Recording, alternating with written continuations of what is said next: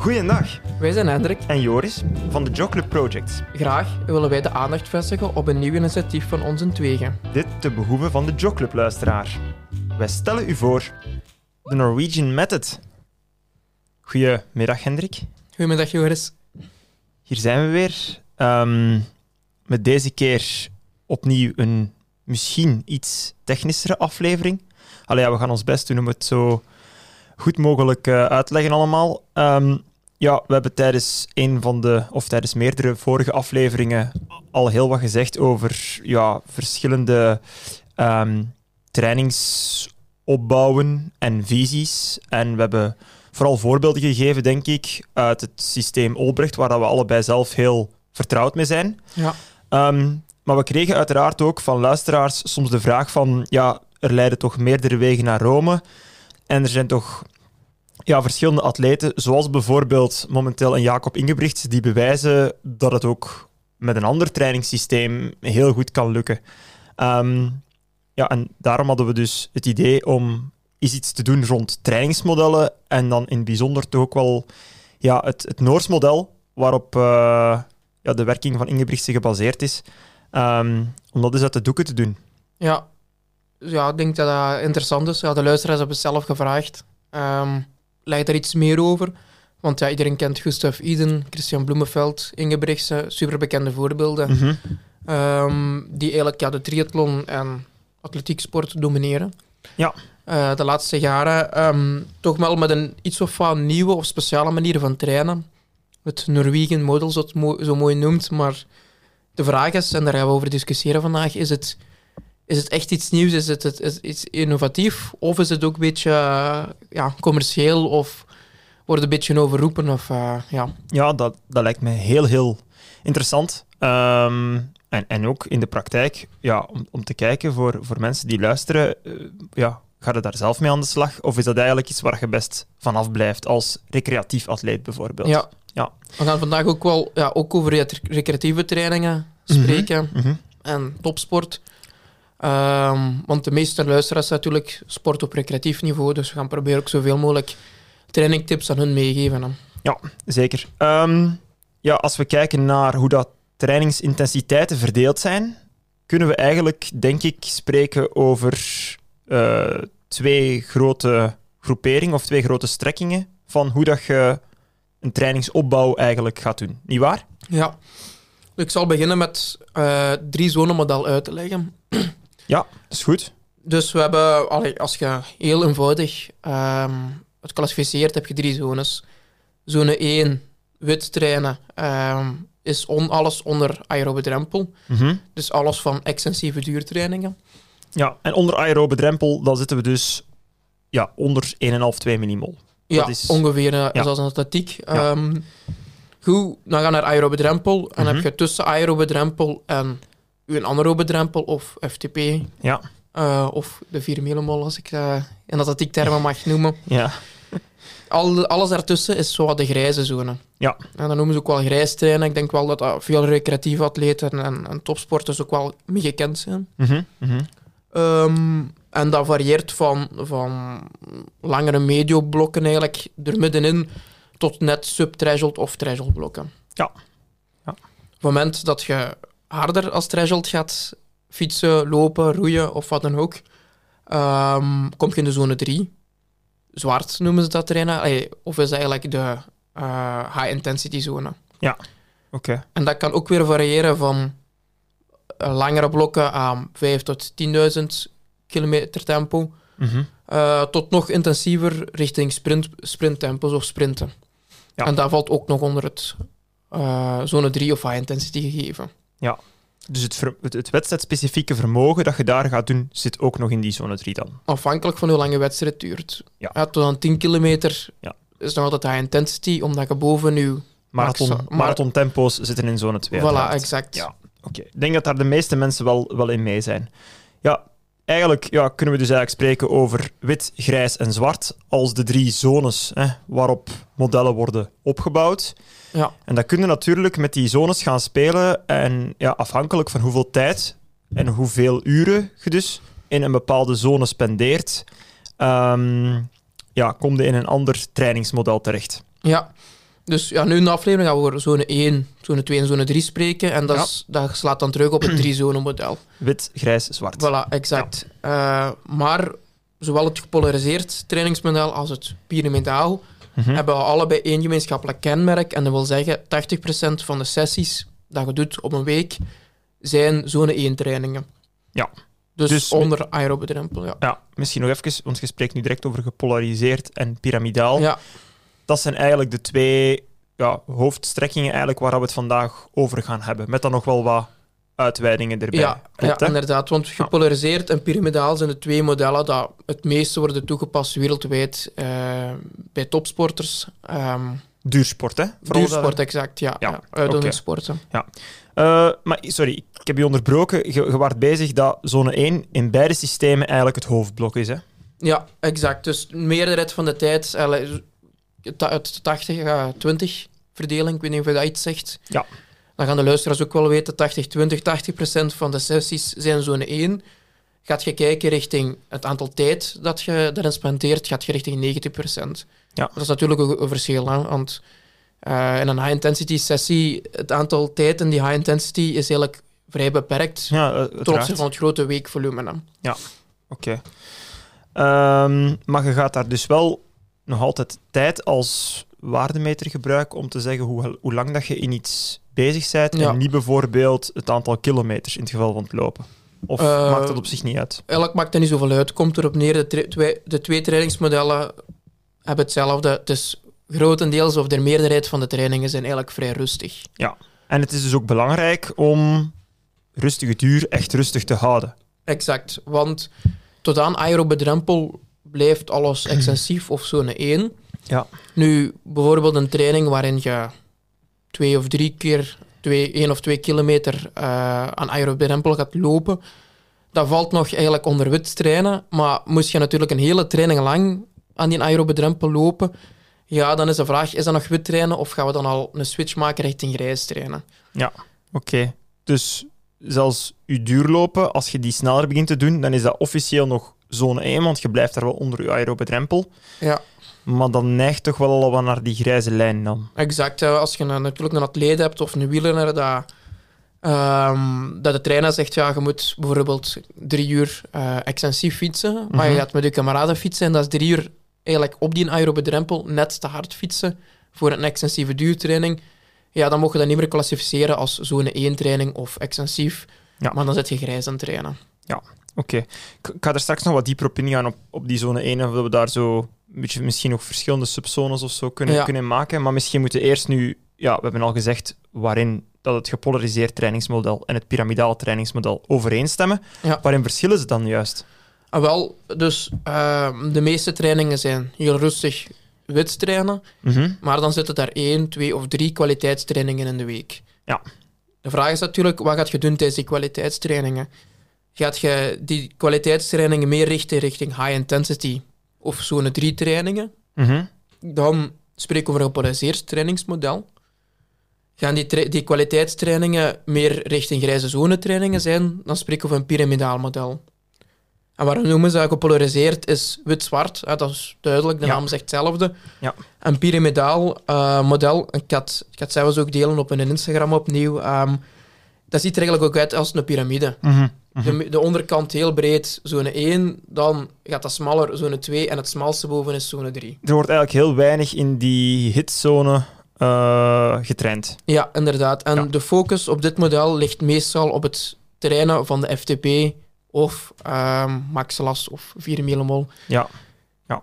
Dus eigenlijk, ehm, dat is nu even theorie. Als we dat omzetten naar de praktijk in bijvoorbeeld het lopen, ehm, ja, dat gepolariseerd trainen, daarbij gaan we dus eigenlijk weinig rond die ehm, drempel, eh, rond die drempels, aerobe drempel, anaerobe drempel trainen. Ja. Maar gaan we ofwel rustige duur trainen, ofwel een pak harder gaan trainen richting VO2 max, VLA max trainingen, zoals wij ze kennen, zeker in de opbouwperiode in het systeem Olbrecht. Klopt, hè? Ja, exact. Dus ik zal proberen een beetje een voorbeeld geven van een Ja, trainingsweek ja, en daar maken we het onderscheid in. Dus stel je voor, je hebt eh, je zeven dagen, maandag tot zondag. ehm, en we bepaald, we gaan op dinsdag en op vrijdag onze kwaliteitstrainingen Ja, zetten. ja. De andere dagen zijn ofwel een rustdag, ofwel een rustige duurloop of rustige duurtraining in het fietsen. Of te roeien, afhankelijk welke sport je doet. Mhm. Als jij die dinsdag en die vrijdag gaat invullen met een high-intensity training, bijvoorbeeld een dinsdag een Velamax sessie met hele korte harde blokken met lange pauze passief tussen. En de vrijdag gaat je invullen met een high-intensity training richting VO2max. Bijvoorbeeld ehm 30 seconden hard aan 5 minuten tempo. Eh, aan 5 minuten waarde, 30 seconden easy en zo'n reeks. Ja, dan heb je twee, de twee kwaliteitstrainingen zijn allebei high intensity. Dus dan spreek je over die week is duidelijk gepolariseerd. Ofwel rustig, ofwel dus echt kwalitatief zone 3. Ja, exact, ja. Ja. Eh, het andere is natuurlijk, gaat je zeggen, we gaan dinsdag en vrijdag gaan we, gaan we ander soort training doen. Dinsdag gaan we lange medioblokken doen. Ja. Ehm, zo aan, ja, tussen de twee drempels in, tussen aerobe en anaerobe drempel in. Ja. Zo valt nog mee, eigenlijk vrij lang, maar, maar gevoel, allee, het is toch wel doorfietsen of doorlopen. Ja. En de vrijdag gaan we een, een threshold training doen met vijf keer vier minuten aan FTP of vijf keer 1 kilometer aan 4 millimol. Mhm. Ja, dan zet je je FTP of je maxlas aan het trainen. Wat is een name? Ja. Heb je twee trainingen eigenlijk in de week waar je grijze zone hebt getraind en dan spreek je veel meer over een piramidaal model. Oké, Nee, ik, ik denk dat ik daar helemaal in mee ben. Ja. Ehm, wel nog een, een vraag over. Ja, zone 3 wordt, zoals jij het hier nu uitlegt, gebruikt in de opbouw om dan die VO2 max te verhogen of die VLA max te verhogen. Ehm, dus zijn eigenlijk kunnen capaciteitstrainingen zijn. Ja. Ehm, daar waar ik net zou denken, ja, zone 3, dat gaat sowieso een vermogenstraining opleveren. Waar dat dan zone 2, wat eigenlijk een rustigere intensiteit is, eh, ja, dat is, eigenlijk, dat, is eigenlijk, dat is eigenlijk makkelijker. Ehm ja, dat is een goede opmerking. maar het omgekeerde is waar eigenlijk. Hè? Ja, niet helemaal. Het, het moeilijke is natuurlijk, dit is heel eenvoudig uitgelegd, de tijd in die zone. En we Mhm. gaan dat gewoon optellen en dan bepalen, is het piramidaal of gepolariseerd. Maar dan heb je natuurlijk de Olbrecht-visie, dat nog een onderscheid maakt tussen capaciteit en vermogen. En waar zit verschillen in? Eigenlijk bij de Olbrecht-visie gaat je spelen met de rust tussen je intervallen. Mhm. In de iets meer capaciteitstrainingen gaat je altijd lange, lange rust hebben tussen je- blokken. Gaat je richting vermogenstraining, gaat je die rust korter maken. En waar komt dat op neer als jij ehm, een high-intensity training doet? Je doet bijvoorbeeld vijf keer één minuut hard eh, in, het- fietsen of vijf keer 300 meter hard aan het lopen. En je zorgt ervoor dat je tussen die harde blokken drie, vier, vijf minuten extensief lopen of fietsen hebt. Ja, dan is dat een heel groot verschil. Maar als je van vijf minuten één minuut maakt. Ja, vijf keer één minuut hard, één minuut rustig is veel zwaarder dan vijf keer één minuut hard, vier minuten rustig. Ja, ja, uiteraard. Ja. En daar zit dan zo het verschil in Olbrecht-visie. Olbrecht maakt dan ook het verschil tussen capaciteiten en vermogen. Mhm. Ehm, maar we moeten oppassen dat we het natuurlijk nu niet ingewikkeld maken. Hè. Nee, want nu zijn we weer misschien meerdere dingen door elkaar aan het halen. Ja. Ja. dat is natuurlijk het moeilijke. Hè. Dus al die trainingsmodellen, eh, je hebt elke inspiratioloog heeft, heeft een andere eh zone opbouwen, allee, andere opbouw van zones. ehm, waardoor dat heel moeilijk soms te bepalen is, ja, die training dat je nu uitvoert, is dat nu effectief grijs trainen of is dat high intensity trainen? Dat is soms, ja, dat is moeilijk te bepalen. Ja, het, het loopt waarschijnlijk soms ook wat door elkaar, afhankelijk Exact. van de periode van het seizoen waar je in zit. Want ja, er zullen waarschijnlijk weinig atleten zijn die altijd binnen één trainingsmodel alles kunnen, kunnen inpassen. Soms is er ook wel een overlap, kan ik mij voorstellen. Exact. En ik zal een kort voorbeeld geven in atletiek. Mhm. Ehm, wat zien ze, of wat zeggen ze redelijk vaak, is dat, dat er in het algemeen bij, bij toplopers piramidaal wordt getraind. Ja. Ehm, en dat, dat zie ik nu vaak ook op Instagram terugkomen. Zo lopers die zeggen van ja, ik heb tijd om de brede basis te trainen, de drempels omhoog te trainen. Dat is redelijk wat volume eigenlijk, met focus op die drempels. Ja. Dus allee, we gaan dat kwalificeren als piramidaal, om het eenvoudig te maken. Ja, heel veel zone 2. Eh, Inderdaad. ja. En wat gebeurt er dan eh, bij toplopers? En ik heb daar zelfs ook een interessant artikel over. Is dat ja, dan varieert het afhankelijk van de afstand of die blijven in een piramidaal model of dat die overgaan naar een gepolariseerd model. Omdat heel veel toplopers gaan richting een wedstrijd eh, veel meer wedstrijdspecifieke intensiteiten trainen en blokken doen. Maar afhankelijk of je een marathonloper bent of een 5000 meter loper, ja, is dat wel een groot verschil. Dus we gaan bijvoorbeeld die 1500 meter, 5000, 10.000 meter lopers doen, is gaan veel meer aan wedstrijdpace en trainingen uitvoeren. Maar die trainingen zijn dan high intensity. Want een 10.000 is nog altijd boven de 4 millimol of max las. Dus dat is high intensity. Een marathon, dat zit pal in die grijze zone. De marathon pace valt tussen aerobe en anaerobe drempel. Ja. Dus als je als marathonloper veel meer training gaat uitvoeren aan marathon tempo, ja, dan zet je heel grijs aan het trainen en blijf je in het piramidaal model. Ja, nee. Ik weet niet of het onderscheid duidelijk is nu. Ehm, Ja, zeker, zeker wel. Ik denk dat dat gewoon heel afhankelijk is van één, welke, welke discipline gaat je hè, beoefenen. Ehm, Want ja, dat gaat uiteraard ook, ook mee bepalen ehm, ja, wat u, in welke zone uw race pace eigenlijk gaat terechtkomen. ja. En dat is inderdaad wel een trend. En dat, dat, dat is eigenlijk goed dat je dat aanhaalt. Ehm, in het wielrennen wordt er nu, denk ik, heel veel strikt fysiologisch gekeken naar de waarden die je trapt. En ehm, ja, iets als race pace of, of racewattage, dat wordt eigenlijk weinig, ja, weinig gedaan. Je hebt ook gezegd van, ja, op FTP-treinen eigenlijk kunnen we die FTP ook gaan verhogen zonder die FTP op zich aan te raken op training. Ja. We gaan ofwel sneller fietsen ofwel trager fietsen. Ehm, ja, in het lopen, het is natuurlijk een iets complexere beweging dan die cyclische fietsbeweging. Hè. Heel je lichaam moet mee. En ehm, ja, ik merk zelf ook dat, dat je soms wel je loopefficiëntie gaat verbeteren door effectief heel hard vertrouwd te zijn met je wedstrijdsnelheid. En in mijn geval is dat uiteraard ja, uw, uw marathontempo, of als ik nu naar iets kortere wedstrijden kijk, naar een 10 kilometer of zo, een 10 kilometer tempo. En dan merk je wel, als je dat op training in een paar eh, sessies gaat aanraken, dat dat veel vlotter gaat dan wanneer dat je eigenlijk altijd gewoon hele snelle 200 zit te doen en daarnaast rustige duur bijvoorbeeld Ja. ja, dan, dan raakt inderdaad dat wedstrijdtempo niet aan. En dan is dat heel moeilijk om dat in wedstrijd wel op een efficiënte manier over te zetten of zo. Dan is het zo precies van dat je motor er wel rond is gebouwd, maar dat eigenlijk de overdracht er niet echt helemaal is. ja. En ik denk dat dat een van de belangrijkste redenen is waarom dat heel veel trainers in atletiek nog altijd op een bepaald moment wel beslissen van en nu gaan we meer wedstrijdspecifiek, gaan we meer richting race pace. En dan ja, is uiteraard ja, bij een 800 meter loper dat een heel ander tempo dan bij een 10.000 meter loper. ja, exact. Ehm, ja. Ja wat, zegt de literatuur er eigenlijk over? Want we hebben gisteren ook, toen ik onderweg was van Tilburg, van de Warandelloop, terug naar huis, eh, het er even over gehad. En je zei, ja, ik, ik snap bijvoorbeeld soms niet goed waarom dat halve fondatleten toch zoveel aandacht besteden aan die basis, zoals we het dan noemen, ja. en, en aan die drempels optrainen, terwijl dat, dat dan eigenlijk vooral ja, voor langere afstanden zinvol kan zijn en zij daar niet echt heel veel baat bij hebben. ja. Ah, wel, ik had, dat, ik had dat proberen wat verhaal te vertellen. Hè. Dus, ja, ja. Ik weet, ben een paar jaar geleden begonnen als trainer. Eh, ik weet niet of de luisteraars weten, maar jij weet nog in welke sport ik ben begonnen. Dat jij, dat In je welke sport ik als trainer ben begonnen. in roeien. Een troeien, exact. Een troeien is eh, ongeveer 6 tot 7 minuten al oud, de wedstrijd. Dus dat is halve fond. Dat is halve fond, ja. Ja, of middellange afstand, zoals we een troeien noemen. Eh, dus die wedstrijd is 6 tot 7 minuten aan maximale zuurstofname roeien. Ja.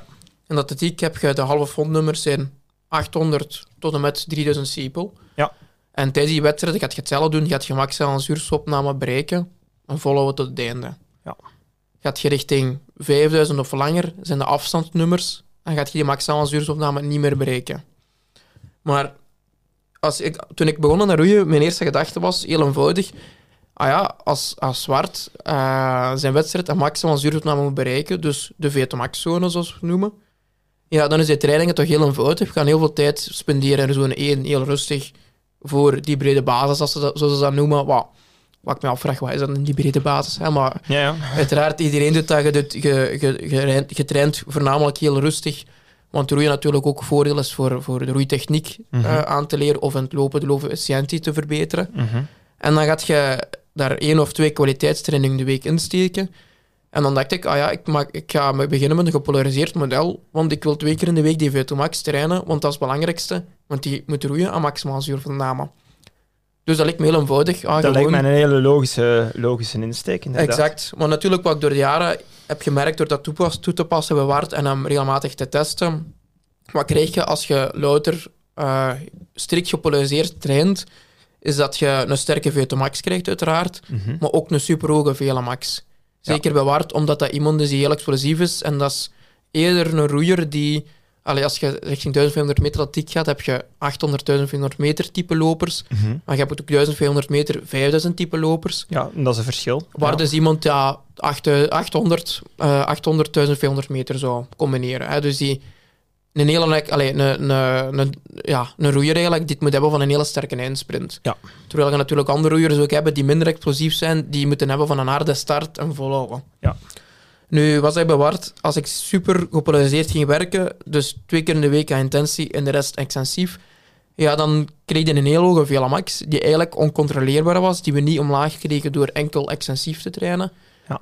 Eh, en die VLA-max was veel te hoog om tot goede prestaties te komen. Andere woorden, die maakte zoveel lactaat aan in het begin van zijn wedstrijd, pakte zoveel zijn anaerob energiesysteem mee, waardoor die veel te sterk verzuurde. En tegen het einde eigenlijk, die eindsprint dat hij normaal moet hebben, omdat hij explosief is, er niet meer uitkreeg, omdat hij te veel verzuurd was. Ja. Dus eh, wat zijn we door de jaren gaan doen? Veel meer richting een piramidaal model gaan. Dus ook regelmatig trainingen in serieuze zone uitvoeren om die VLA-max heel specifiek te kunnen onderdrukken. Waardoor hij zowel een sterke VO2-max als een lage VLA-max had, alleen laag relatief uiteraard, eh, tijdens de wedstrijd, waardoor hem eigenlijk beter presteerde.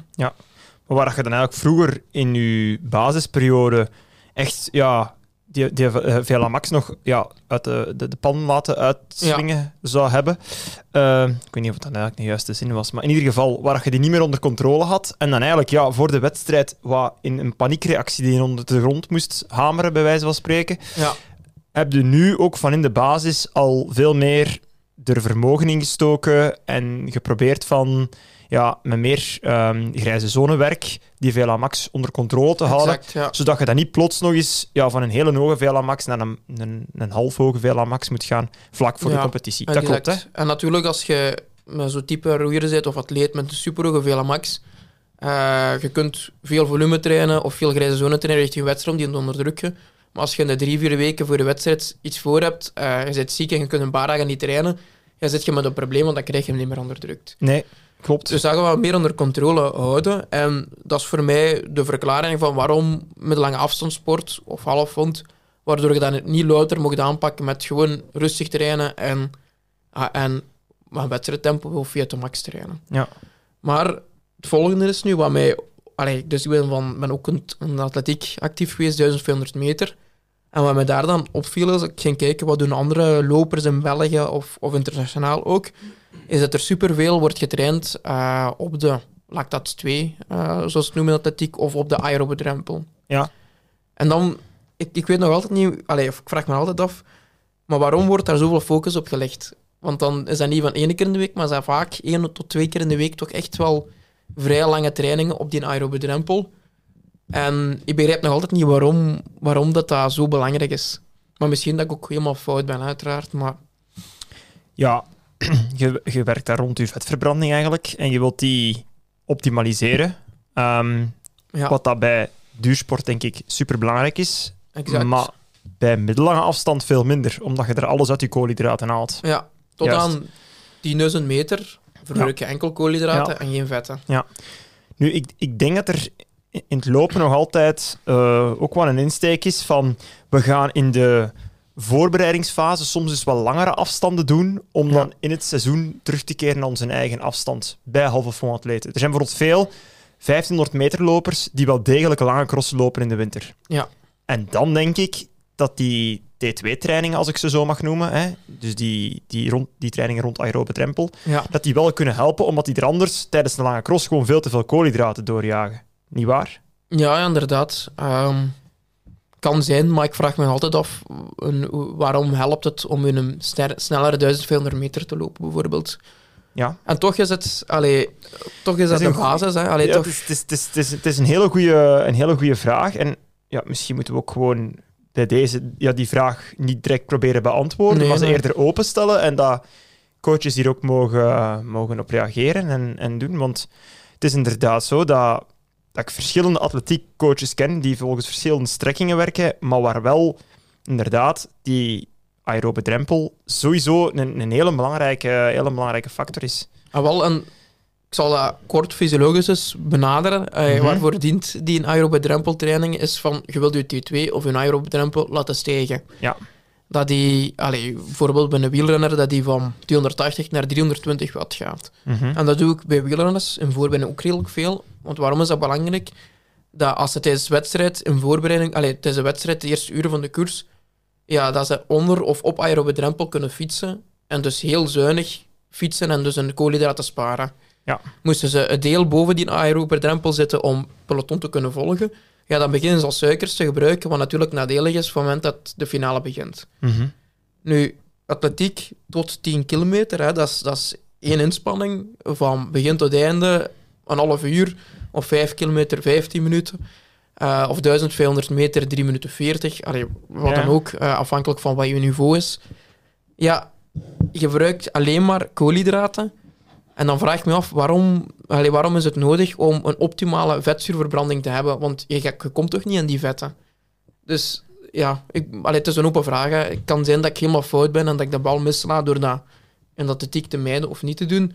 Maar soms denk ik, ja, iedereen doet het en dan is het nogal verleidelijk om het gewoon over te pakken omdat iedereen het doet. Ja, het is half hard en dat is, ik vind dat zelf een hele leuke zone om in te trainen. Ik vind dat, vind dat een leuk, leuk Ja. gevoel. En ik denk dat andere atleten dat ook nog wel hebben. Je doet een tempotraining, maar dat is geen zware tempotraining. Nee. En ja, dat is, ik denk dat het sowieso ergens eh, de machtergewoonte is. Sowieso. Nu, een marathon is het wel wedstrijdbepalend. Ja, ja, tuurlijk. Hoe hoger ja. de aerobe drempel, hoe beter uw, pres- uw, presenta- eh, uw resultaat op de wedstrijd is, op de marathon. Ja, ja, dat is een van dat is niet de belangrijkste factor eigenlijk. Hè. ja, ja. Ehm, Net zoals triathlon 70.3 volledige Ironman, ja, de prestatiebepalende factor is de sterkte van uw aerobe drempel. Oké. Ehm, ja, dan moeten we misschien nu ja, de, de brug slaan naar de Norwegian Method. We gaan daar eens aan beginnen. Hè. Waar, waar, waar plaatsen we die? De, allee, wel, dus we kregen redelijk veel vragen binnen over de Norwegian Method, dus super bekend. Eh, de Norwegian Method is eigenlijk Nor- een... Norwegian. Norwegian, ah ja. Ja. Ja. mijn Engels eh, is niet zo goed. Hè. Maar goed, komt erop neer, eh, die Noorse trainingsfilo- trainingsfilosofie eh, is eigenlijk in theorie een piramidaal model. Oké. Dus, ehm, de, allee, dus de bedoeling is eigenlijk om een hoog volume te trainen. Ja, dat doen ze allemaal vrij hoog volume trainen. In combinatie met de belangrijkste trainingen worden uitgevoerd in zone 2, dus de grijze zone. Ja. En dat zijn voornamelijk intervallen op of net onder de anaerobe drempel slash FTP. Ja, ja, dat ja, komt duidelijk heel vaak terug, hè, die threshold trainingen. Ja. Als ik dat hoor. En, en ondertussen ja, is er in atletiek toch wel een, eh, een revolutie, kan ik bijna stellen, waarbij dat heel veel trainingsgroepen, ehm, zowel ja, in de States als in, eh, als in Europa, beetje het model zijn gaan kopiëren. Of toch een poging gedaan hebben, want soms wordt het denk ik heel fout uitgevoerd. Ja, Ehm, maar ja, gewoon threshold is alomtegenwoordig de dag van vandaag. En ja, misschien moeten we ons dan de vraag stellen, hè, en daar ga jij misschien antwoord op weten. Wat is er eerst, eh de kip of het ei? Hm. Is het die Noren, dat die zo goed zijn omdat ze op dit model zijn beginnen trainen? Of zijn het net, is het een beetje survival of the fittest? Zijn het zo'n uitzonderlijke talenten die we momenteel aan de top zien, dat ze een model als dit nodig hebben en een trainingsregime om ja, voldoende belast te worden? Ja. Ehm, ik denk dat dat een hele belangrijke vraag is. Ah, wel, ik denk ehm, ehm, van de atleten dat ik train, moest ik er tien op die manier trainen. eh, dat er ene gaat presteren en negen niet. Ja. En die Ja. ene dat gaat presteren is dan toevallig een roeier bijvoorbeeld, Ja. die ehm, een hele hoge VO2max heeft en een extreem hoge Velamax, waarvan die, eh, die superveel volume aan kan en die Velamax echt onderdrukt moet worden. Ja. Dus ik denk bij Wart dan bijvoorbeeld, hè, ik heb het over Wart, zou dat nog gaan. Hè, hoog volume met heel veel zone 2 trainingen. Bij andere atleten, bij wielrenners of zo, met iets lagere VO2max, iets lagere Velamax, denk ik dat je moet oppassen richting overtraining. Leg het eens uit. Wa- wa- Wat doen zij specifiek? Dus ja, je, zit, je zit sowieso al met, met veel tijd in die, in die threshold. Ja, Meer dan bij een klassiek piramidaal model. Ook misschien meer richting anaerobe drempel dan rond die aerobe drempel. Hè? ja. Ehm, Hoeveel procent van de tijd juist? Eh, Zijn daar studies rond? Of? Ehm, ja, het, het bekendste voorbeeld, eh, maar nu maak ik ook al een beetje brug naar iets anders, is Ingebrigtsen. ja, Ik heb even bij Christophe Roos erover gehoord, want hij heeft eh, Hendrik Ingebrigtsen, zijn trainer, eh, horen spreken in Kopenhagen op een congres. Ja. En wat doet Jacob Ingebrigtsen? Is 40% van de, van, het trainings, van de trainingstijd is rond threshold, dus net onder threshold, threshold. Dus Ja. een sweet spot zone noemen ze dat een beetje, zo net eronder. ja, iets wat dat ze bij... wa- Wat Grete ook eh, een heel interessante zone vindt. Maar ik denk het Ja. grote verschil daar is dat zij het eh, nooit twee keer per dag zet, waar dat zij, de Noren, het vaak twee keer per dag doen, Ja. dubbel threshold van maken eigenlijk. Ja, maar dan vaak ook e- eerste training aerobe drempel, tweede training anaerobe drempel. Mhm. En het voordeel een beetje in die speedspot zone is eigenlijk omdat u uw, ehm, uw maxlas of FTP, eh, sorry voor de vele benamingen, hè, 4 millimol. 4 miljoen, allee, het heeft allemaal, eh, ja, je weet wel, de luisteraars weten wat we bedoelen. Je, je, je legt Dat, een test dat, af. dat hopen we toch. Inderdaad. je legt een test af en dan wordt bepaald, bijvoorbeeld 2 minuten 50 is uw maxlas. Ja. Ik heb het nu over Ingebrigts. Ik vermoed allee, dat het in de buurt gaat zijn van zoiets. Hè. Dat zal zoiets zijn. Ja. Ja, inderdaad. Ehm, natuurlijk, als je gaat zeggen, we gaan intervallen doen op 250, afhankelijk of je een goede of slechte dag hebt, kun je iets anders bereiken. Mhm. Als je zegt, we gaan altijd op die uh, anaerobic threshold lopen, ja, op een slechte dag kan je anaerobic threshold misschien 255 of 300 zijn. En dan zit je eigenlijk met de bedoeling om anaerobic threshold te trainen, zit je die dag eigenlijk high intensity aan het trainen. Dus daarom dat in dit model vaak wordt gekozen om in die sweet spot zone er net onder te zitten, omdat je dan altijd vrij zeker bent, afhankelijk of je een goede of een slechte dag hebt, zit je vrij zeker dat je toch grijze zone aan het trainen bent. Wat ze ook wel heel vaak doen, is gewoon elke keer meten.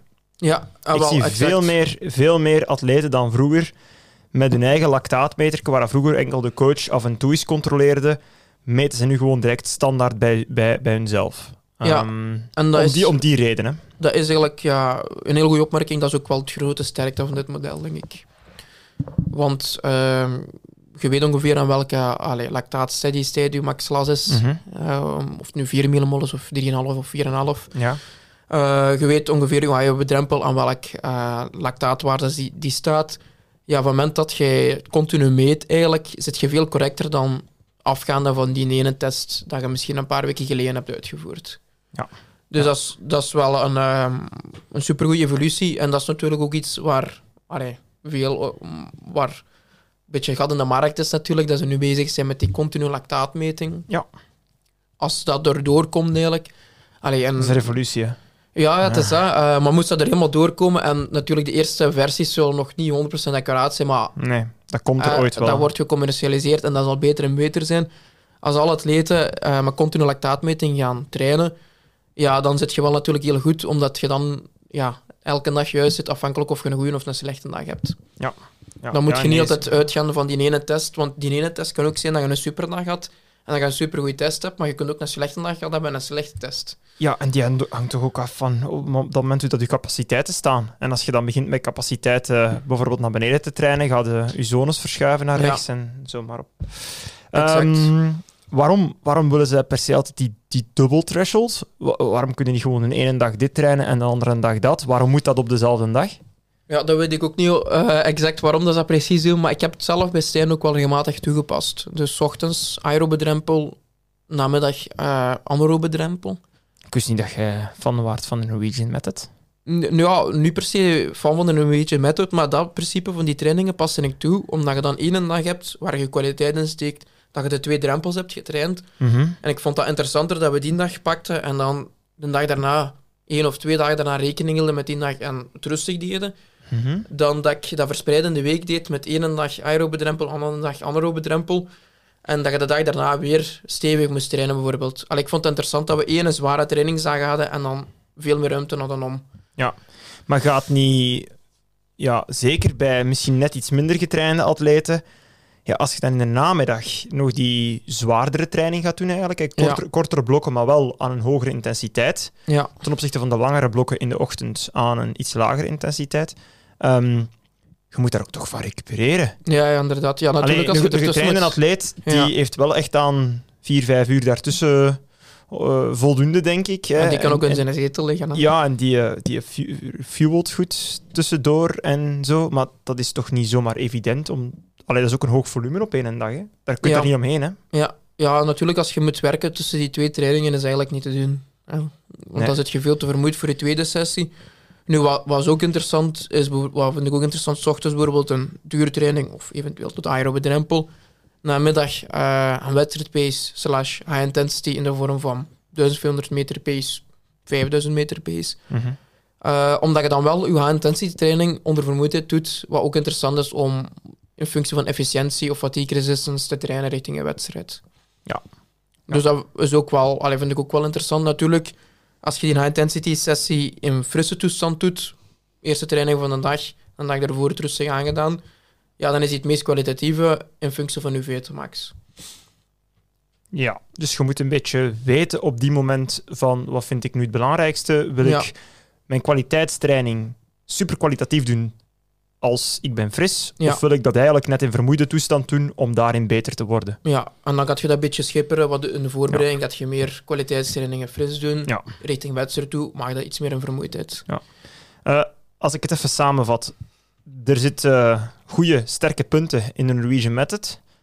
Maar momenteel wordt hij sowieso te veel klakkeloos gekopieerd Ik denk dat, ja. door, door atleten die er misschien niet klaar voor zijn om het op die manier te doen.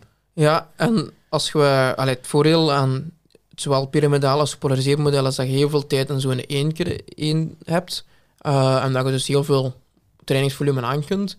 Nu, ik heb dat van Christophe ook gehoord. Ja, wat doet Hendrik Ingebrigtsen eigenlijk? Is 40% van de tijd eh, is in grijze zone. Ja. Maar als we spreken van 40% van de tijd grijze zone en 60% rustig, ja, dan kun je niet meer spreken van een piramidaal model. Dan hebben we een, een kubus, hè. Dan zit je eigenlijk met een threshold model. Ja. Dus dan, ja, in, de, in de strikte vorm van het Noorwegen model klopt dat dan ook weer niet 100%. En ja, dan maakt het weer allemaal weer heel moeilijk. Hè? Ja. Want je kunt zeggen, oh ja, dat is interessant, die doen dat zo, we gaan dat overpakken, dan zijn we Noors aan het trainen. Maar eigenlijk, zoals zij trainen, is ook niet 100% wat een Noorwegen model is. Nee. Wat dat Bloemenveld en Iden en zo doen in triathlon, gaat dat daar, is dat dan wel eerder toch nog een bredere basis in zone 1? Ja, ja, dat gaat natuurlijk ook, ik denk dat die wel moeten, omdat die wedstrijden ook veel langer duren. Zeker eh, Iden, ja, Bloemenveld heeft ook volledig Ironmans gedaan. Mhm. dan kun je dat eigenlijk bijna niet permitteren om niet een heel groot deel van je, trainings, eh, van je training in zone 1 te fietsen. Hè. Of te lopen of te zwemmen. Ehm, nu, ja, we kennen Jacob Ingebrigtsen als 1500 meter slash 5000 meter Ja. loper, veldloper ook. Maar ik denk dat 1500 is eigenlijk wat het liefste wil. Maar tot nu toe zijn de grootste successen zijn er dan op de, ja, eigenlijk zowel op de 1500 als op de 5 geweest. Ehm, maar hij mist nu wel al eh, de, Twee wereld- op rij, ja. de, de, de wereldtitel. Ehm, op 1500 dan. Ehm, ja, daarvoor denk ik dan dat die zone 3 wel heel belangrijk is. hè, Want je zit hier met een, een halve fondatleet uiteindelijk. En toch raakt hij dat heel weinig aan. Zit hij heel veel in zone 2 te trainen. Hoe kun je nu de beste 1500 meter loper ter wereld zijn op dit moment? En ja, een van de beste aller tijden. Ehm, zonder eigenlijk heel veel, of, of zonder eigenlijk ja, die zone 3 bijna te betreden. Hij zit bijna altijd in die thresholdzone, Ja, eh grijs te trainen. Maar eigenlijk 1500 meter race pace raakt hij heel weinig aan. Hoe, hoe, hoe, hoe kan dat? en wel, ik vraag me af, ehm, als jij op de 1400 meter Olympisch of wereldkampioen wilt worden, wat moet je goed kunnen, Joris? Moet je een, een rustige wedstrijd met een keiharde eindsprint aankunnen, of moet je een heel snelle wedstrijd waarin 2, 27, eh, 3, 27, 3, 28 wordt gelopen, eh, dus heel hard starten en volhouden? Welk van de twee moet je goed beheersen? Ja, vooral het eerste, denk ik. Dus de tactische race. de tactische ja. race. Maar wat dat Jacob heel vaak doet, is wel zelf de race hard maken. Ja, en ik denk dat hij dat nodig heeft, want als hem het, het laat stilvallen en een tactische Mhm. race laat worden waarin ze... Alleen in, in 2016 zijn ze met 350 Olympisch kampioen geworden. Hè? Dat Ja, kun je bijna niet geloven. Hè? nee. Eh, moest dat zo'n race zijn, dan denk ik dat hij een probleem heeft dat die 800 meter, allee, die 800 meter, 1500 meter type lopers op het einde eruit sprinten. Ja, dat, heeft hem eigenlijk nu ook al door twee keer misschien iets te...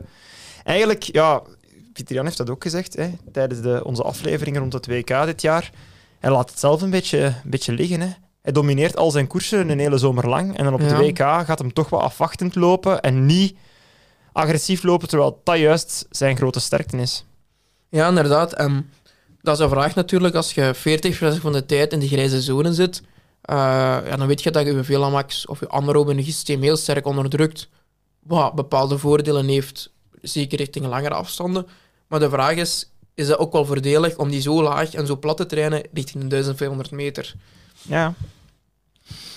Ja, ik weet het. Het is natuurlijk... allee, Dus de Norwegian Method gebruiken voor 800, 1500 meter lopers is niet echt een Dat weet ik. Ja, het is, plan. het is natuurlijk moeilijk te zeggen, want het is wel Olympisch kampioen op de 1500 meter. Dus allee, we kunnen moeilijk zeggen, het reikt op niks. En, maar ja, hij bewijst het tegendeel Ja. ook wel door te winnen.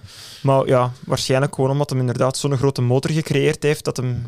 Ja, Ja, ja het is dat. en dat denk ik in het algemeen over die Noorwegen method. Het verschil met gepolariseerd en pyramidaal is als je bij pyramidaal iets meer grijze zone traint, kun je vaak iets minder trainingsvolume in de week trainen dan een gepolariseerd trainingsmodel. En dat heb ik ook uitgelegd in het verhaal van Fatigue Resistant en de aflevering. Mhm. Ja, het voordeel om, om fatigue resistent te zijn, moet je heel veel in zone 1, de extensieve duurzone trainen. Dus dan is het aangeraden om gepolariseerd te trainen eh, en minder grijs te trainen, want allee, dan kun je iets minder volume trainen. Nu, ehm, ja, ik vraag me af voor die halve fond is het niet voordeliger om gepolariseerd te trainen dan pyramidaal. Maar goed, ik heb hier allee, één artikel waarover gaat, waar ze zeggen die, ehm, ze hebben dat onderzocht bij toplopers. En eigenlijk zit je bij alle toplopers van 1200 meter tot marathon wereldwijd dat de meeste pyramidaal wel trainen. ja er wordt weinig, weinig gepolariseerd getraind Ja. eigenlijk. In Inderdaad. tegenstelling tot het, tot het wielrennen, waar dat momenteel toch wel echt eh, een enorme opmars bezig is. Hè? Ja, inderdaad. En ja, dat is natuurlijk...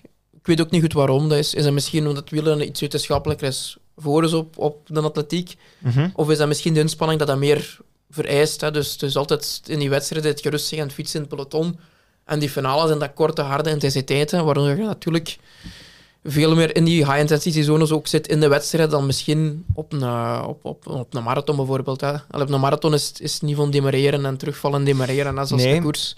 Nee, ik denk dat eh, dat inderdaad daarmee te maken heeft met het koersverloop dat gewoon heel anders is. Je kunt dat niet vergelijken, hè, want uiteindelijk een sprinter in, in het wielrennen, dat is een beetje een halve fondatleet die eerst vijf uur moet, moet wachten en dan Ja. mag ontploffen.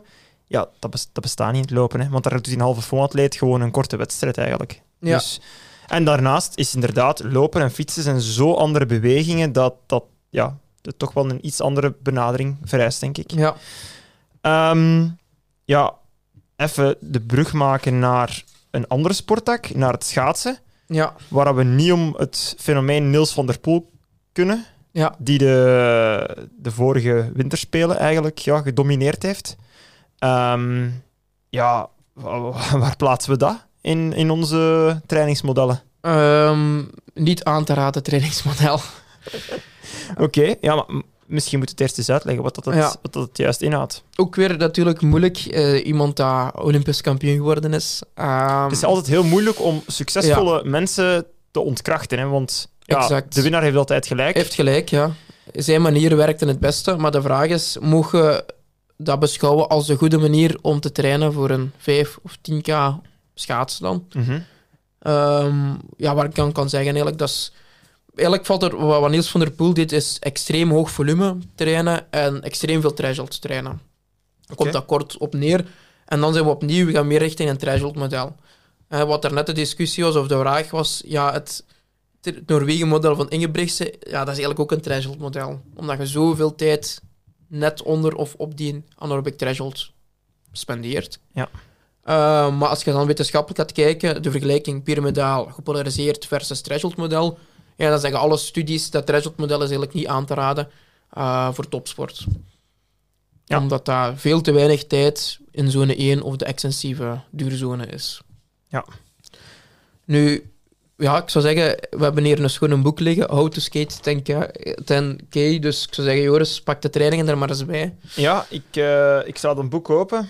Ehm, Ja. Ja, je hebt het me gisteren ook al in de auto een beetje uitgelegd. Ehm, hij heeft eigenlijk vier types cycli, hè? Ja, klopt hè? En de, het eerste wat hij begint, en dat, dat vinden we nog wel interessant, hij zegt, ja, voor mij, ik heb een 5-2 trainingprogramma. Vijf dagen trainen, twee dagen rust. En het weekend rust. Uh, wat, als je natuurlijk een profatleet zit, is dat wel interessant om toe te passen eventueel. Dus die twee rustdagen eigenlijk. En, um, of natuurlijk voor recreatieve of topsporters, ja, minstens één rustdag in de week is altijd zeker, aangeraden. Zeker in de, in de winter. Ja, een week trainen, uh, dan is er geen sport op tv. In het weekend is er wel sport op tv, dus dan uw rustdag. Dat is eigenlijk goede timing. Hè? Ja, inderdaad. Um, Voilà, dan kun je naar de koers kijken. Hè. Voilà, kijk. Nu, um, hij pakt vier verschillende seizoenen, noemt hem dat. Mm -hmm. Het eerste is het aerobic season. En hij schrijft erbij, where more is more.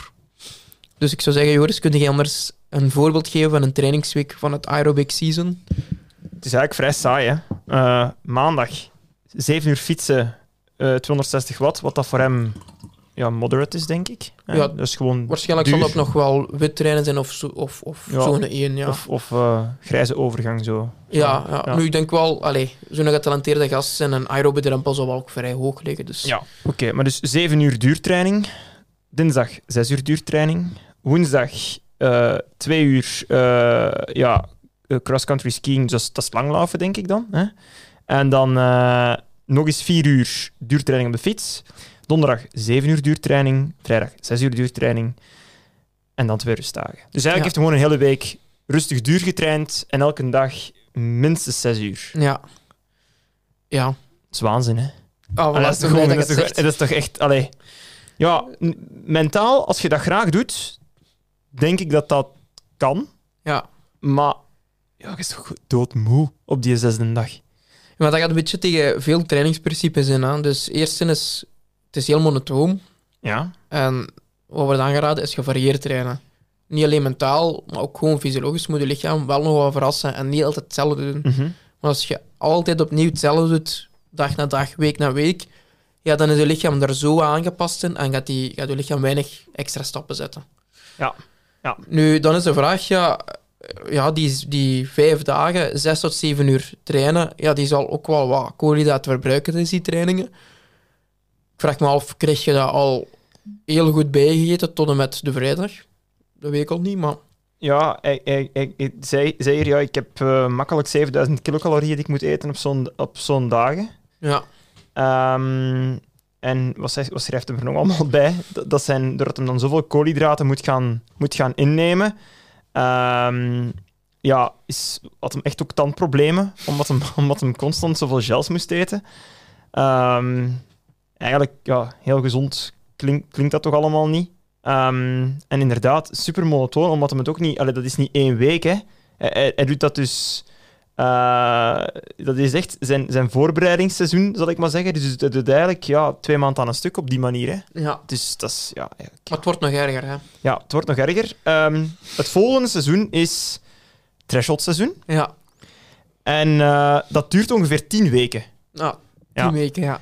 Dus um, het is nog altijd een hoog volume, maar de intensiteit ligt, hè, zoals de naam het wil, threshold ligt een stuk hoger. Ja. Um, het, is, het is zeer leuk uh, en zeer gevarieerd. Uh, totaal niet. Uh, ja, van maandag tot vrijdag wordt er getraind. Ja. Wordt er vijf uur gefietst. Um, waarbij dat hij eigenlijk um, eerst een, een vrij korte warming-up doet, hè, van een tiental minuten. En dan doet een blokken. Uh, vier keer een half uur, vijf keer twintig minuten, zes keer vijftien minuten, vier keer twintig minuten, negen keer tien minuten. Uh, ja, threshold dus FTP, hè, ja. met, um, met rust uh, daartussen, van drie tot vijf minuten. En dan daarna eigenlijk nog een, een duurtraining om, om mee uit te bollen, zal ik maar zeggen. En dat doet hem dus gewoon vijf dagen aan een stuk. Dus vijf dagen op rij FTP-training. Ja. ja. En dat tien weken aan een stuk. Ja, dat is een beetje, allee, volgens Jan Obrecht-visie, eier op vermogen, maar een beetje te veel van het goede, vind ik. Waarom zou dit doen? Ja, dat... Ja. ja, ik kan, ik kan dat niet echt uitleggen waarom. Nee, maar, hij had er toch een theorie voor waarom wat hij dit, dit deed? Ja, het is zal zich daar goed bij voelen, zeker. Hè, ja. Maar... Um, maar goed, allee, het is nou, blijft moeilijk, want we hadden daar gisteren een groep ook over discussie met Bobby en Seppe. Mm -hmm. Seppe zegt ook, ja, het blijft een Olympisch kampioen en ja, hij heeft Olympisch goud gehaald, dus hij heeft gelijk. Hè. Um, Maar, maar ik denk wel dat we er mogen over eens zijn. Allee, zoals we het nu uitleggen, dit kun je zowel een recreatieve als andere topsporter, andere schaatsers, kun je echt niet aanraden. Hè, dit. Ja. Je kunt wel één of twee trainingen daaruit halen, maar niet vijf dagen zo trainen en tien weken lang. Allee, dat lijkt me niet echt aangeraden, maar het wordt nog erger. Hè.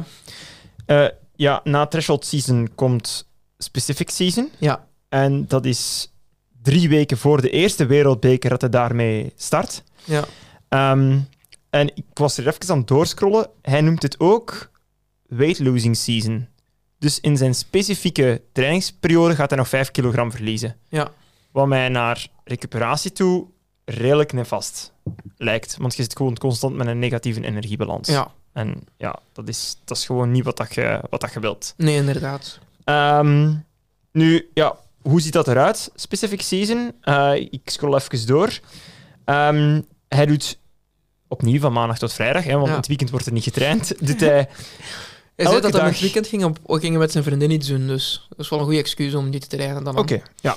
Eh, hij, hij wisselt eigenlijk af tussen eh, 5K sessions en 10K sessions. Ja, Ehm, maar ja, hij wil vooral die 10K sessions doen, omdat hem dan meer tijd op het ijs staat, omdat Ja. die iets langer zijn. En hij doet dus elke dag een specifieke training op race pace, 10K. En met nadien nog een duurtraining op de fiets. En dat vijf dagen aan een stuk. dus is elke dag eigenlijk zijn wedstrijd opnieuw aan het doen.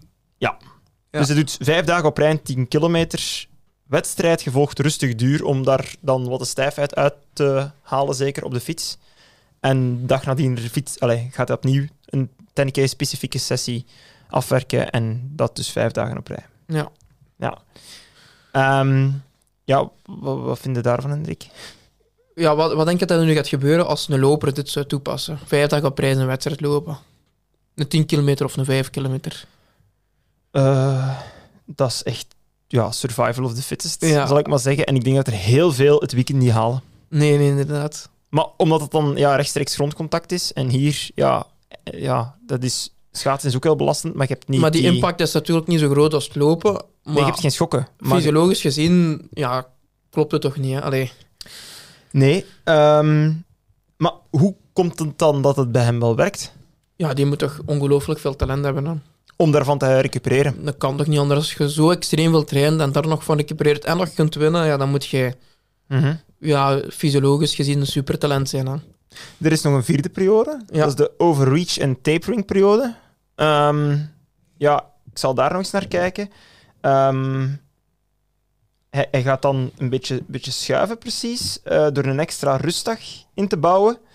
Ehm, maar eigenlijk ja, blijft hij wel heel veel specifiek werk doen. Hè? Ja. Gaat hij meer richting die 5K sessions om iets minder tijd op het ijs te hebben. Ehm, en neemt ook zijn duurtraining nadien eigenlijk in volume af. Ja. En dan de wedstrijdweek, ja, die is dan plots heel weinig. Ehm, daarin raakt hij nog ja, bij een paar sessies een beetje kwaliteit aan, maar zeer, zeer kort. Eigenlijk voor de rest neemt hij bijna een volledige week rust. En dan gaat hij door die volledige rust toch fris genoeg zijn om die wedstrijd zelf af te werken eigenlijk. Daar een beetje de race tegen de tijd is om fris te raken hè, met zo'n programma. Ja. Ja. En dan verder, het laatste is nog het Aerobic Season 2.0. Ik vind het wel tof dat hem zo... Ja, hij geeft er wel toffe namen aan. Ja, en ja, zeg maar. Ja, Aerobic Season 2.0 is nog een keer opnieuw het, volumeverhaal aan. Het volumeverhaal afgewisseld met een beetje intensiteit. Want er Ja. staat nog één sessie, 10k session in de week, staat er nog bij. ja, oké. Ja. Ja. Goed. Ja, Ja, voor de rest, ja, ik, ik denk, allee, we kunnen daar nog heel veel over vertellen. Hij heeft er ook een boek over geschreven. Hè, mensen die dat graag willen, willen lezen. Het is getiteld dus How to Skate a 10K Ja. en also half a 10K, waarin het hem ook uitlegt hoe dat hem mentaal met dit proces is omgegaan. Ehm, nu, ik denk dat we kunnen besluiten met te zeggen, het was succesvol op korte termijn, ja, maar ja, het feit dat hij nu niet meer schaatst, heeft te maken met dit trainingsmodel. Het Ja. feit dat hij, denk ik, zowel mentaal als fysiek dit niet kon blijven doen. nee, inderdaad. Dus hij is nu op pensioen op zijn 25 sessie gestopt, denk Mhm. ik. Natuurlijk op een hoogtepunt gestopt met een Olympische medaille. En de vraag is, is dat niet het ja, allerhoogste? Allee, dat is het allerhoogste, dus goed gedaan. Maar ja, ik geef wat als voorbeeld. Je moet je voorstellen dat Pitcock is Olympisch kampioen geweest in de mountainbike. Of hij is nog altijd Olympisch kampioen Mhm. in Tokio. Moet je een keer voorstellen dat Pitcock zegt na Tokio, ja, was tof, ik heb het allerhoogste bereikt. Ik ben Olympisch kampioen geworden, maar vanaf nu, ik ben nu 21 jaar, ik stop ermee, want ik ben echt kapot getraind. Ja, dan, zeg, dan gaat toch iedereen reageren. Maar Zonde. zit- ja, Zonde. zonde. En in Parijs en Los Angeles, allee, daar had je toch ook meegedaan voor de Olympische medailles. Wat er nu volgend jaar uiteraard mee gaat doen. Hè. Ja, en dan vraag ik me af, die Niels van der Poel is op zijn 25 gestopt. Ja, die had toch nog tot zijn 30ste of misschien iets langer nog kunnen verder doen en misschien ook eens Olympisch kampioen worden. Ja. Op een iets normalere trainingsmanier. Maar, ja, maar ik denk dat, dat hij ook gewoon mentaal zo was ingesteld van... ja. Ik weet niet of dit iemand was die heel graag eh, die topsporter was eigenlijk. Die zich daar jaar na jaar kon voor, voor opladen. Eh, ik heb hem vorig jaar... Ik heb hem niet ontmoet, maar ik heb hem van Ja. dichtbij horen spreken. Hij was toen op het LPC-congres in Papendal, dus niet dit jaar, maar het jaar ervoor. heeft daar een lezing gegeven. Ehm, hij, hij was, hij was ook wel redelijk arrogant. Ik bedoel, eh, zijn titel van zijn lezing toen was ehm, How I've Beaten the Dutchies Ah, ja. op het Nederlands congres. Dus hij begon eigenlijk met zijn uitleg van ja, jullie denken allemaal dat jullie kunnen schaatsen, maar ik heb wel gewonnen. Ja, ja. Dus dat was eigenlijk ja, zijn, zijn uitgangspunt. En dan heeft hem dan ook, denk ik... Allee, nee, hij heeft dat gedaan. Ehm, gezegd dat vooral bij hem mentaal de insteek verschillend was. Hij wil niet een lange carrière hebben. Hij schaatst op zich niet graag. Hij was enkel uit op hoe kan ik op korte termijn presteren en dan gedaan. Maar Ja. niet hoe kan ik een schaatscarrière uitbouwen. En ik denk dat dat een heel andere mindset is die ervoor gezorgd heeft dat hem de korte, maar succesvolle carrière gehad heeft. Die hem, ja, ja. ja. maar allee, het is denk ik zeker iets dat we, dat we moesten benoemen, want allee, mensen vroegen ons ook achter van, ja, hoe kun je dat nu in godsnaam verklaren? Ehm, de combinatie, denk ik, van een zeer getalenteerde atleet met een zeer eh, aparte visie. En dan krijg je zo'n dingen, maar voor hetzelfde geld, ja, ja, raakt hij gewoon meteen geblesseerd en is er gewoon nooit een succesverhaal ook. Hè. Nee, en ik denk, je hebt Ingebergse verhaal, eh, je hebt Niels van der Poel nu super getalenteerde atleten, maar ik denk dat hun trainingsmethodes niet aan te raden is voor andere topsporters eh, of recreatieve atleten. Nu, voor Ingebrigtsen, de manier waarop traint zou wel natuurlijk goed zijn en afgesteld zijn op, op, op wie hij is. Maar voor ja, andere atleten kun je dat niet aanraden. En als we dan de brug maken naar recreatieve atleten, eh, dat is ook wel belangrijk om dat aan te halen Zeker. je kunt, als je maar één of twee of drie keer traint in de week, ja, is, dat nu, is dat niet slecht om een keer met je kameraden keihard te gaan. Want met maximum drie trainingen in de week heb je toch voldoende herstel tussen je trainingen. Ja, ze kan dat je overtraind geraakt klein. Gaat je nu natuurlijk richting 20, 25 uur in de week en je gaat dan twee, drie trainingen, zoals Ingebrigtsen of Van der Poel, hard gaan, ja, dan is de kans op overtraining wel groter. Zeker als je niet talent hebt wat die, die mannen hebben. Wat er niet veel in de wereld zullen zijn ook. Hè. Nee, nee, nee. Ja, dat, zijn, dat zijn de uitzonderingen. Hè. De, Ja, de wonderen der, na- der natuur, zeker. Of En- hoe, hoe zegt je dat? inderdaad. En de barrière... Allee, ik heb daar ook eh, vrij veel onderzoeken van Stefan Sale erbij genomen, omdat dat iemand is die heel veel onderzoek doet naar dit dan, hè, piramidaal gepolariseerd model. Mhm. En hij zegt eh vijf tot zeven uur training per week in het wielen is wat de barrière waarin je moet overgaan richting een piramidaal of gepolariseerd model. Dus gaat je langer dan zeven uur trainen, ja, dan moet je best kijken van hoe gaan we onze intensiteiten verdelen. Traint je minder dan zeven uur in de week, maakt het eigenlijk niet zoveel uit, omdat je dan voldoende tijd hebt tussen je training om te herstellen. En is de kans op overtraining vrij klein. Het maakt niet veel uit wat je doet daaronder? Of, Dan, dan mocht je eigenlijk eh, in die één of twee trainingen dat je doet een keer hard gaan met kameraden, want je hebt toch twee, drie dagen ertussen. Dat maakt Ja. het niet uit in functie van overtraining. Als je zo weinig traint en je doet dan alles rustige duur, ja, dan doet het ook niet veel eigenlijk. nee, is dat. Dus dan, allee, dan moet je ook niet inhouden en dan moet je eens hard gaan. Natuurlijk, als je topsporter bent en je traint bijna dagelijks, één Ja. of twee keer, ja, dan moet je natuurlijk oppassen met te Ja. hard lopen of te hard fietsen, want ja, dan zit je, denk ik, op lange termijn foute dingen bezig. Nu, naar recreatieve lopers toe raad ik toch nog altijd vaak aan van uw duurtraining is belangrijk. Ja. Ehm, ja, toch? Ja, natuurlijk, ja. Ja, dus ik zou dat ook zeker in laten, ja. Maar dat kan dan niet kwaad om daar ook wat intensiteit in te zetten. En dat mag zeker stevig zijn. Als je dat fijn vindt, uiteraard. hè. Ja, ja. Ja, Ja, niks zo fijn als met je kameraden op zondag is gewoon hard te rijden. En Ja, mountainbike toertocht is doorgaans niet echt mals. hè? inderdaad, ja, dat kan geen kwaad. Als je, als je natuurlijk minder dan zeven uur traint, gaat je meer dan zeven uur in de week trainen, dan best toch eh, iets voorzichtiger zijn. Oké. Ehm, ja, ik denk dat we dat we stilaan kunnen, kunnen afronden. Uh, misschien nog even overlopen. We hebben de verschillende, de twee strekkingen, grote strekkingen van trainingsmodellen uh, besproken. Het, het uh, gepolariseerd trainingsmodel en het piramidale trainingsmodel. Uiteraard is er soms een overlap. Moet je rekening houden met sportspecifieke factoren. In het lopen is race pace belangrijk. Daar kun je eigenlijk niet echt omheen. In het fietsen wordt er de dag van vandaag ja, veel gepolariseerder getraind dan vroeger. Hè? Um, uiteraard denk ik dat het ook superbelangrijk is om te kijken naar de atleet die je voor u hebt. Want het kan bijvoorbeeld zijn dat een gepolariseerd model u zo hoge capaciteiten oplevert dat je eigenlijk niet meer wedstrijd klaar geraakt. En ja, je zei, Wart, Wart was zo. Um, ik herinner me dat dat bij, bij de Isaac uh, Kimeli een paar jaar geleden ook echt het geval was. Dat er echt moest gezocht worden naar veel meer vermogensprikkels, omdat hij gewoon zo sterke weerstandscapaciteit had. En nu met Dennis ben ik zelf eigenlijk ook aan, aan het kijken om... We zijn naar een derde sessie gegaan. We zijn er meer vermogen ook in basisperiodes aan te steken. Ja. Omdat we ook merkten op de een of andere manier, door gewoon blessurevrij te kunnen werken, dat mijn weerstandscapaciteit niet meer onderdrukt geraakt. En ja, dat is niet echt wat dat je wilt als marathonloper, dat die constant heel hoog staat, uiteraard. Ja. Nu, ik heb nog een vraag voor u, Joris. Um, kregen ook uh, van een luisteraar de vraag: kunt je een aflevering maken over de voorbeelden van Wart? Nu, ik vind dat... Allee, de voorbeeld heeft nu 5, uh, 38, 6 geroeid. Ja. Dus vijfde all-time tijd indoor. Um, Wat is het wereldrecord? 5, uh, 35, 7 of 8. Dus 503, 591 watt is het wereldrecord en hij doet nu 578 watt. Zie je hem dat ooit pakken? Ja. Alleen uh, de vraag is of dat goed genoeg gaat zijn om het wereldrecord te pakken, omdat... Er je, concurrentie is. Ja, je hebt Simon van Dorp, Oliver Zuider, huidige roeiers die uh, nog iets sterker zijn. Simon van Dorp roeit 536, Zalier 537. En de vraag is, ja, als we misschien ooit die barrière breken, gaat Van Dorp of Zuider er niet al onder zitten? Ja. Oké. Maar goed, jij wou een vraag ja, stellen wel, um, dus natuurlijk, wat, wat, was het probleem bij Wart? Uh, gigantisch hoge veeltomax, heel tof, maar een veel te hoge velamax.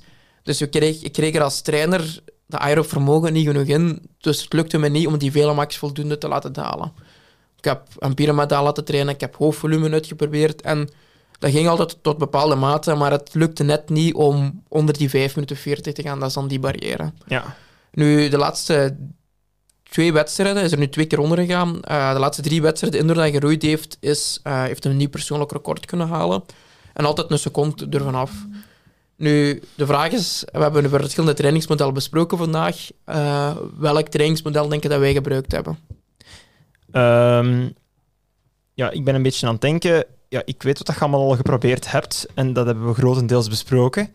Ja. Um, hebben we gezegd dat eigenlijk zowel in het piramidale systeem als in het gepolariseerde systeem een hoog volume in zone 1 wordt gehanteerd. Ja. Um, dat kan dan naar een threshold systeem gaan als daar dan nog heel veel meer, allez, heel veel tijd ook in zone 2 wordt, wordt uh, doorgebracht. Maar wat we eigenlijk nog niet besproken hebben, en dat zie je soms ook wel bij, bij Britse atleten, heb ik dat al gezien, uh, Elish McColgan bijvoorbeeld. Kent je Elish McColgan? Nee. Ja, ze is momenteel van de beste 10.000 meter loopsters, halve marathonloopsters ter wereld. Ja. En ze staat er eigenlijk om bekend om een vrij uh, klein volume te draaien, uh, maar heel veel intensiteiten. En daarom zat ik te denken, misschien is Zwart ook wel afgestapt van het brede basissysteem en is hem gewoon, als hem traint, gewoon hard ja. gaan trainen. Voor een deel, hè, natuurlijk. Het is niet heel de, voor, de voorbereiding blijft nog altijd piramidaal slash gepolariseerd. Uh, dat, dat verschilt week per week een beetje. Ja. Nu, de specifieke voorbereiding richting een wedstrijd, een indoorwedstrijd of outdoor, zijn we anders beginnen aanpakken. En uh, dat doen we nu volgens een block prioritization. Oké. Okay. Ik weet niet of je dat iets zegt of, of je er al van gehoord hebt. Uh, niet, niet meteen. Ah, ik weet ook niet of dat nu super nieuw is, maar uh, ik heb daarvoor uh, vorig jaar Bent Runnestad een keer over gecontacteerd, omdat hij daar redelijk veel onderzoek naar deed uh, en over gediscussieerd. En ik vermoed, ja, dat is het ideale voor Wart om toe te passen. En wat wilde zeggen, ik ga, ik ga het trainingsschema laten zien dat hij um, heeft gedaan voor... Um, dit is voor de tapering, of eigenlijk dan voor het BK in Noorwegen. Ja.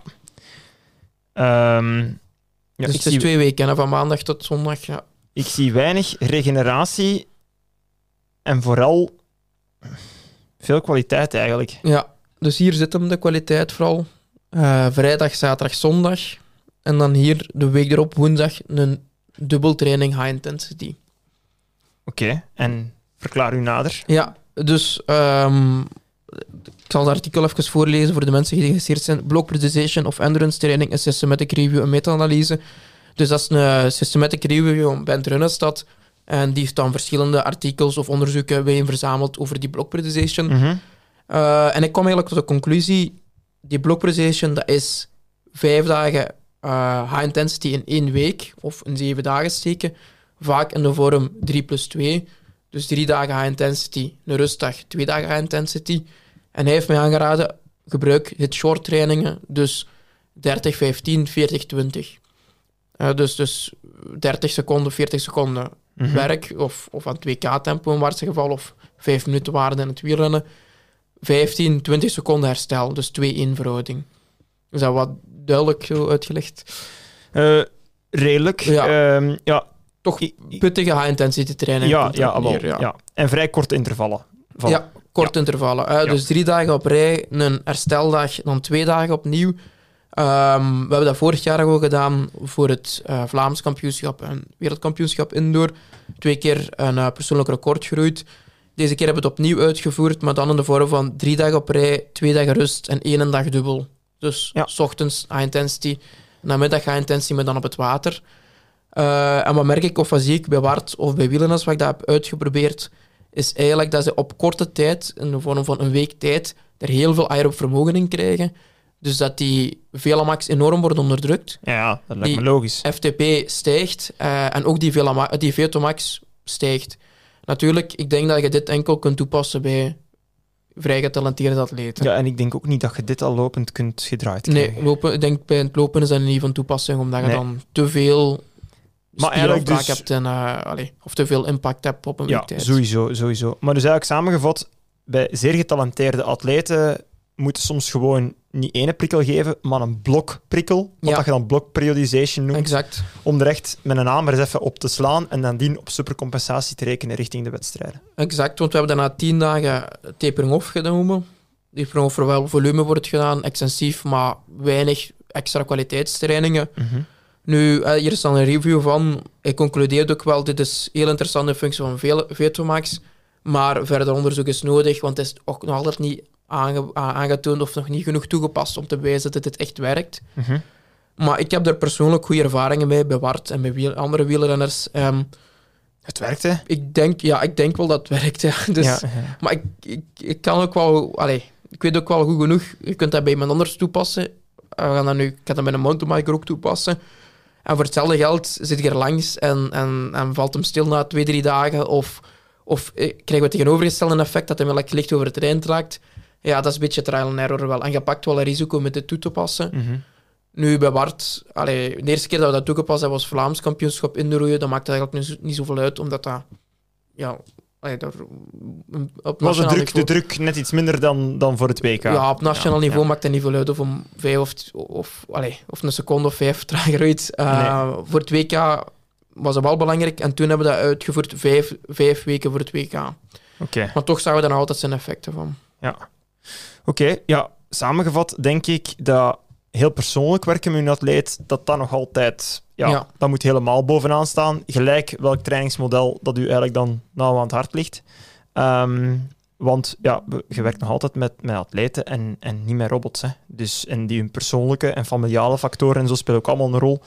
En dat gaat ook zeker mee bepalen van welke prikkels dat je op welk moment graag wilt geven. Exact. Zoals je zegt, je kunt ook niet zeggen, dit is het juiste trainingsmodel. Het is eh, testen afnemen, toepassen, evalueren. En uiteindelijk, na de loop van tijd, vind je voor de atleten dat je begeleidt wel het best mogelijke trainingsmodel. hè. Goed, dan, dan denk ik dat we daarmee, daarmee kunnen eindigen. Dat is, dat is een mooie noot. Hè? Dat, het, eh, dat je gerust een, een, een mooie visie mocht ontwikkelen, maar dat je nog altijd moet kijken wie dat je voor je hebt. Ja. Ehm, nog iets aan toe te voegen, Hendrik?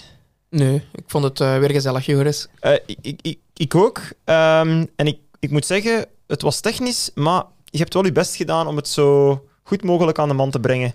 En ik zie Bobby instemmend knikken, dus die gaat helemaal akkoord. Bobby is nog wakker, dus dat is belangrijk. Dat, dat, is al, dat is al een win. Ehm, hier gaan wel reacties op komen, hè, want we hebben eigenlijk ja, heel veel info gegeven. En ik denk dat het juist interessant is dat mensen de, hun mening met ons delen. Uh, als we iets over het hoofd gezien hebben, mogen ze dat ook zeker, zeker meegeven. En jij gaat sowieso nog de, de verschillende modellen delen op je Instagram. Hè? Ja, en jij te goede, Joris. Al, als je mij tagt, dan zal ik dat reposten. En wel, en Zullen we dat afspreken?